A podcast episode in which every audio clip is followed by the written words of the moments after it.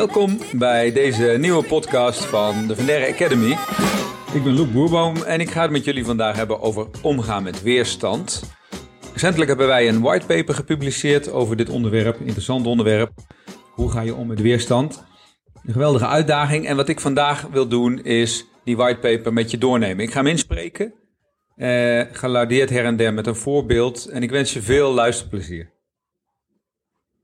Omgaan met weerstand, we noemen het een geweldige uitdaging. We maken het misschien wel elke dag mee, weerstand. Bij jezelf, bij anderen. Een collega die dwars ligt, een klant die belt met een klacht en de hak in het zand zet, een relatie die jouw voorstel niet ziet zitten. En soms, best wel vaak, bouw je zelf weerstand op wanneer iemand tegen jou in de verdediging schiet of juist in de aanval. Kortom, weerstand kan ingewikkeld zijn, maar het is vanuit menselijk oogpunt ook volstrekt normaal en vaak zelfs gezond. Zet de juiste technieken in. De vraag is namelijk, hoe ga je met weerstand om? Schiet je in de stress zodra acquisitie niet lekker loopt? Gooi je de handdoek in de ring wanneer iemand je blijft afwijzen? Eh, de kunst is juist om de goede technieken en eigenschappen in te zetten, zodat jij je kunt onderscheiden en die weerstand transformeert tot iets bruikbaars. Deze whitepaper neemt je mee in de processen achter weerstand, de verschillende situaties waarin het voorkomt, de vormen waarin het zich laat zien en de slimme oplossingen om weerstand te overwinnen. En veel van de informatie die we met je delen is gericht op wat wij noemen verbindende communicatie in sales, service, samenwerken, leiding geven. De onderwerpen waarin wij ons hopen te onderscheiden.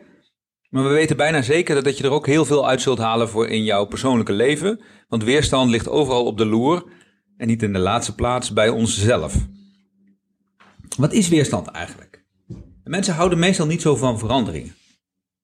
Het zit in onze aard om iets nieuws te willen tegenhouden of het in elk geval kritisch tegen het licht te houden. En die reactie is in zekere zin begrijpelijk, want dingen op een andere manier doen vraagt capaciteit en extra energie van je hersenen. En lang niet iedereen heeft daar zin in. Er zijn talloze onderzoeken gedaan naar de fysiologische en psychologische reacties op veranderingen. Onder in de links zie je ook een eh, interessant artikel van David Rock en Jeffrey Schwartz daarover. Klik er vooral eens op en lees het eens. Um, maar weerstand is wel een schrikbeeld, vormt een schrikbeeld voor veel mensen. En veranderingen zijn ook spannend. He, verplaats je in een klant die, die is net gewend aan een product, aan een bepaalde werkmethode. En vervolgens krijgt hij van jou een weliswaar beter aanbod. Maar daarvoor moet hij ook zijn proces omgooien en heeft hij misschien wel geen trek in. En dat levert misschien een schrikbeeld op. Weerstand dus. Misschien wil hij of zij wel met je in zee gaan omdat het efficiëntie oplevert, uh, aan een diepere behoefte beantwoord. Maar ja, hoe moeilijk zal dat zijn om het te realiseren? Dus de eerste reflex die mensen daarin hebben is niet altijd direct om ja te zeggen of mee te gaan. De reflex van weerstand is vaak wat sterker en hardnekkiger. Voor het gemak reageren veel mensen daarom op de automatische piloot. Het is eigenlijk soms ook weerstand om de weerstand. En weerstand is een intense reactie. Het kan ook zijn dat iemand, zich, dat iemand geen weerstand heeft tegen jouw voorstel, maar zich overvallen voelt. Ja, misschien belde je op een ongelegen moment, heeft hij veel andere dingen aan zijn hoofd. Ga ook maar eens naar hoe dat bij jezelf werkt. Uh, in eerste aanleg is weerstand een emotionele, soms zelfs intense emotionele reactie. Iemand zegt of doet iets en jij reageert er op een bepaalde manier op. Soms komt het ook gewoon niet uit om een nieuw idee te bespreken en raakt de ander geprikkeld wanneer de druk wordt opgevoerd. Een andere factor om rekening mee te houden is veiligheid. Binnen een organisatie of binnen afdelingen kan de weerstand ook behoorlijk oplopen.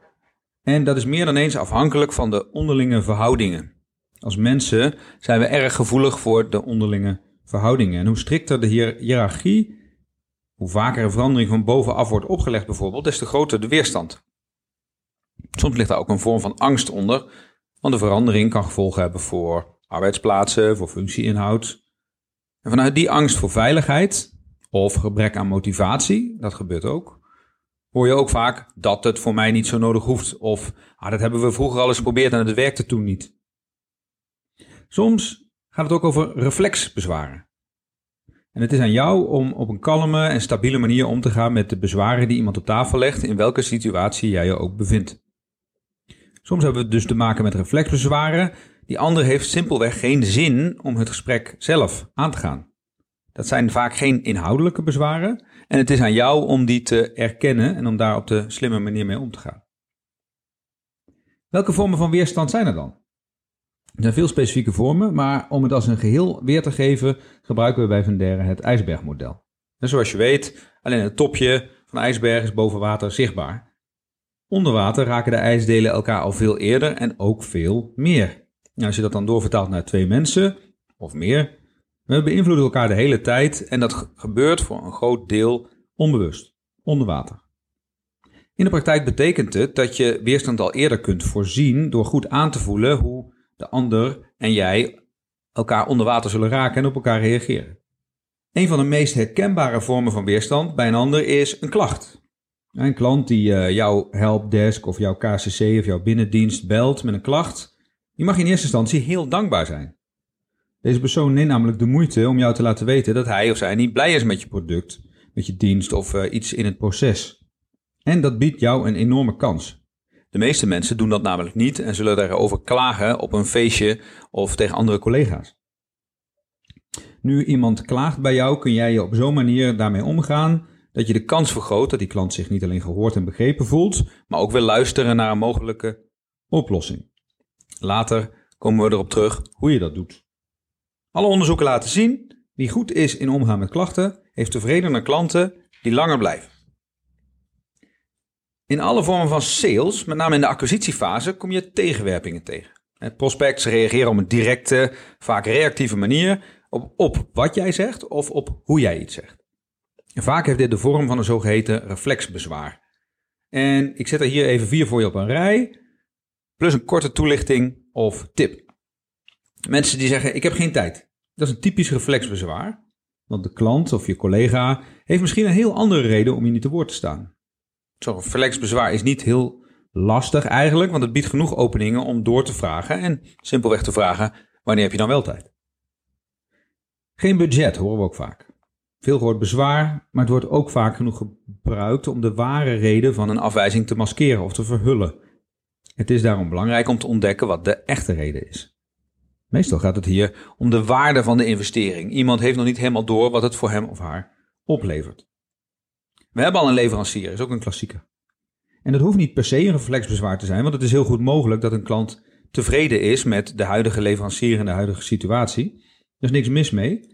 Maar het opent altijd wel de ruimte om na te gaan welke kansen een klant laat liggen door jouw product of dienst af te wijzen en welke diepere behoefte er eventueel onder de eerste afwijzing zit. Ook hier is doorvragen het devies. Geen behoefte is een wat algemenere. Misschien zegt iemand geen problemen te hebben met een bestaand product, een dienst of werkmethode. De meerwaarde die jij biedt, die wordt dus nog niet onderkend. En ook deze vorm van weerstand vraagt om inzicht in de organisatie, in de achtergronden van jouw gesprekspartner. Als je doorvraagt, levert dat jou dat, informatie op en daardoor kun je weer opnieuw in contact treden. Daarnaast is het belangrijk om weerstand niet persoonlijk op te vatten. In de praktijk valt dat niet altijd mee, want het is immers jouw bedrijf, jouw aanbod, jouw offerte, jouw plan waartegen wordt geageerd. En dat voelt al snel als een aanval op jouw kwaliteiten en jou als mens. Terwijl het in werkelijkheid vaak gaat om de omstandigheden, de context of de manier waarop een andere partij zich benaderd voelt. Weerstand en crisis. Weerstand ontwikkelt zich sneller in tijden van crisis. En dat is niet om somberheid te willen aanwakkeren, maar eigenlijk zijn er in moderne samenlevingen steeds nieuwe crises. En dat betekent ook dat er vaker dan vroeger veranderingen plaatsvinden die stuk voor stuk vormen van weerstand opwekken. Crisis en rampen zijn immers referentiepunten voor burgers, zowel zakelijk als privé, ze geven een soort van update van de staat van de samenleving. En omdat de informatiestromen anno nu zich nog veel sneller verspreiden dan vroeger, is ook eerder en vaak heftiger sprake van verzet tegen veranderingen. Bovendien zijn het vaak de systemen zelf waarbinnen de verandering plaatsvindt, die ook aan verandering onderhevig zijn. De systemen zelf veranderen. Voorbeelden hiervan uh, de bankencrisis en de economische recessie van de jaren nul. Uh, die waren aanleiding tot ingrijpende systeemaanpassingen nou, dat leidde tot veel weerstand. Niet alleen tegen de manier waarop de beloningsstructuur in de financiële wereld anders werd georganiseerd, maar ook hoe de consument in de portemonnee werd geraakt. Nu zitten we midden in de coronasituatie. Die triggert ook heel veel weerstand. Die begon in 2020 en alle lagen van de samenleving hebben te maken met de directe of indirecte gevolgen van COVID-19. En los van de inhoudelijke visie die je erop hebt, merk je hier hoe moeilijk het is om met elkaar in verbinding te blijven en niet steeds vanuit primaire, primaire weerstand te reageren. Ook in de toekomst blijven crises en rampen ontstaan. Ze passeren ook weer, maar niet zonder een lawine aan vormen van weerstand. Juist omdat elk van de veranderingen in de samenleving of economie iets van mensen vraagt, terwijl ze vaak niets liever willen dan dat het blijft zoals het is. Dan gaan we eens even door naar vechten, vluchten of bevriezen. Of weerstand nu op grote schaal wordt veroorzaakt door crisis of in kleiner verband in jouw eigen omgeving, het meest interessante is de primaire reactie die het bij jou veroorzaakt. Hoe ziet jouw eigen weerstand er nou uit? Zodra je jezelf namelijk kent en je eigen weerstanden in kaart hebt, kun je veel bewustere keuzes maken. De basisreflexen zijn voor iedereen hetzelfde: vechten, vluchten of bevriezen. Het zijn de automatische reacties die elk in een eigen vorm leiden tot verzet. Over het algemeen zijn die reacties niet wat we noemen rationeel. Vechten, vluchten of bevriezen zijn natuurlijke reacties van het lichaam en oudere delen van de hersenen op een verandering, die al dan niet stressvol is of bedreigend. En vervlogen tijden, lang geleden, maar eigenlijk als je kijkt naar onze ontwikkeling als mens nog niet eens zo heel lang. Ehm, en ook in de ontwikkeling van ons ego waren die reacties nodig om te overleven. Tegenwoordig hoeven we meestal geen strijd meer te leveren met roofdieren of natuurgeweld of mensen die ons in directe zin bedreigen. Maar toch schiet ons lichaam nog steeds in een vecht, vlucht of bevriesstand wanneer er iets op ons afkomt dat spanning oplevert. Onze hersenen denken als het ware dat we direct bedreigd worden, terwijl dat in werkelijkheid niet meer zo is. Om weerstand te overwinnen is het belangrijk om die verschillende reacties te herkennen bij jezelf. Vechten. Nou, in de vechtmode staan we op scherp om tegengas te geven. Primair dient het om jezelf en eventueel mensen om je heen te beschermen. Het heeft dus functie van nature. In zakelijke omgevingen beperkt het vechten zich gelukkig meestal tot discussies, misschien grote woorden, boze gezichten.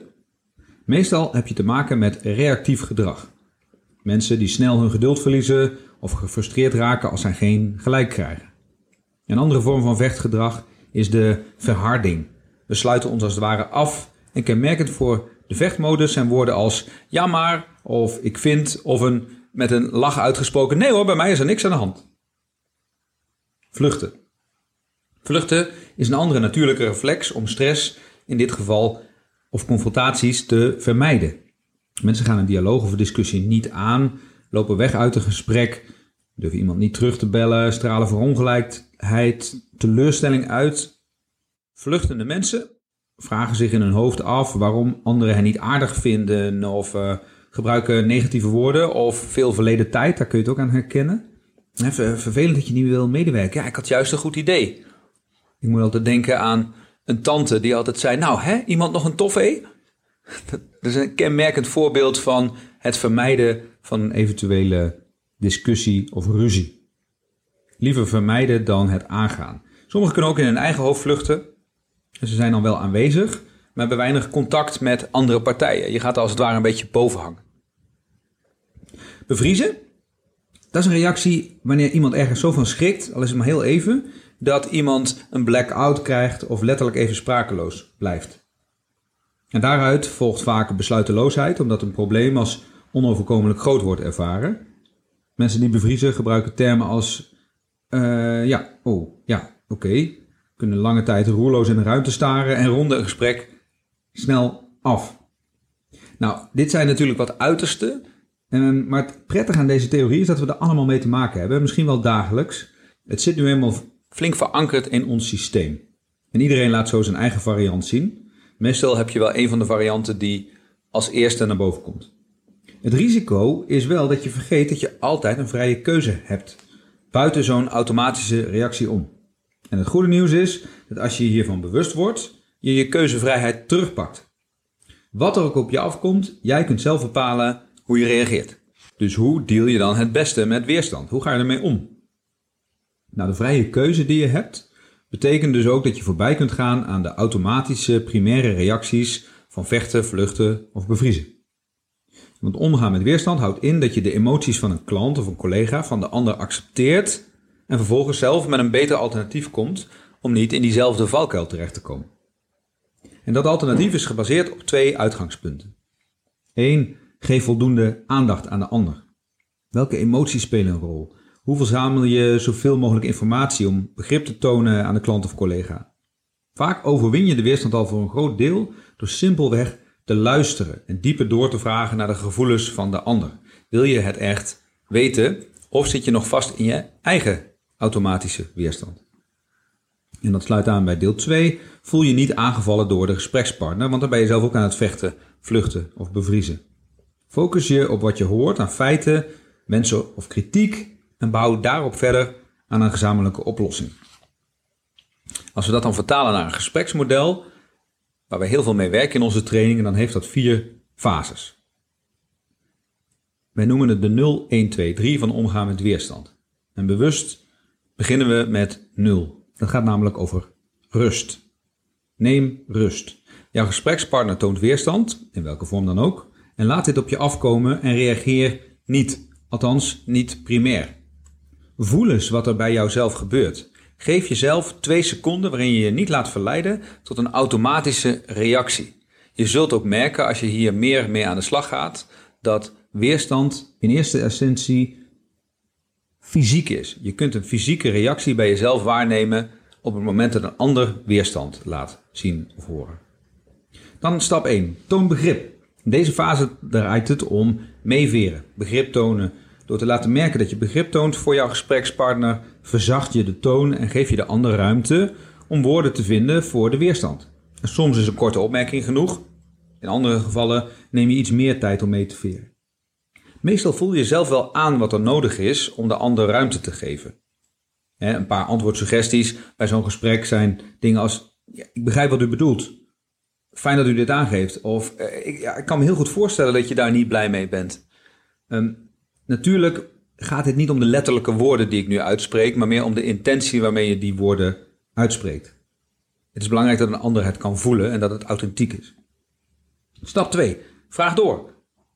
De antwoorden die een gesprekspartner geeft zijn niet altijd compleet, omdat ze soms, vaak zelfs, op emoties zijn gebaseerd. Er zit vaak iets onder of achter. Vraag daarom altijd door, zodat je de hoofd van de bijzaken kunt scheiden. Jij bent namelijk op zoek naar de oorzaken van de weerstand en probeert de echte feiten en wensen op een rij te krijgen.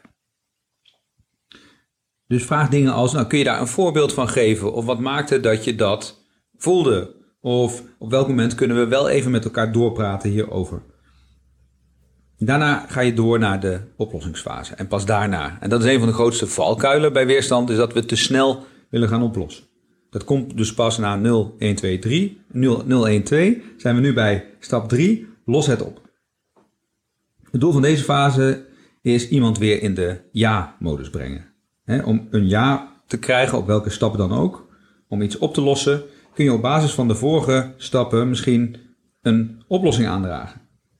Dat kan een directe oplossing zijn voor het probleem waar iemand jou mee heeft benaderd, maar dat kan ook een ja zijn op een andere vervolgstap. Laten we wel zijn, je kunt niet altijd alles precies oplossen zoals je dat zou willen. Nou, je hebt het inmiddels wel door. Omgaan met weerstand, dat gaat met name over jezelf. En hoe beter jij jouzelf leert kennen in jouw communicatie met klanten, met jouw collega's, met prospects, hoe harder je je kunt ontwikkelen. Vind je dat nou een interessant onderwerp en wil je jezelf beter leren kennen in jouw ontwikkeling? De Venera Academy is de online plek om alles te ontdekken over verbindende communicatie in de dagelijkse praktijk. Dus hier kun je veel meer lezen en horen over dat onderwerp. Blogs, whitepapers, podcasts, e-learnings. Alles wat te maken heeft met sales, service, samenwerken en leidinggeven. Laat je vooral inspireren.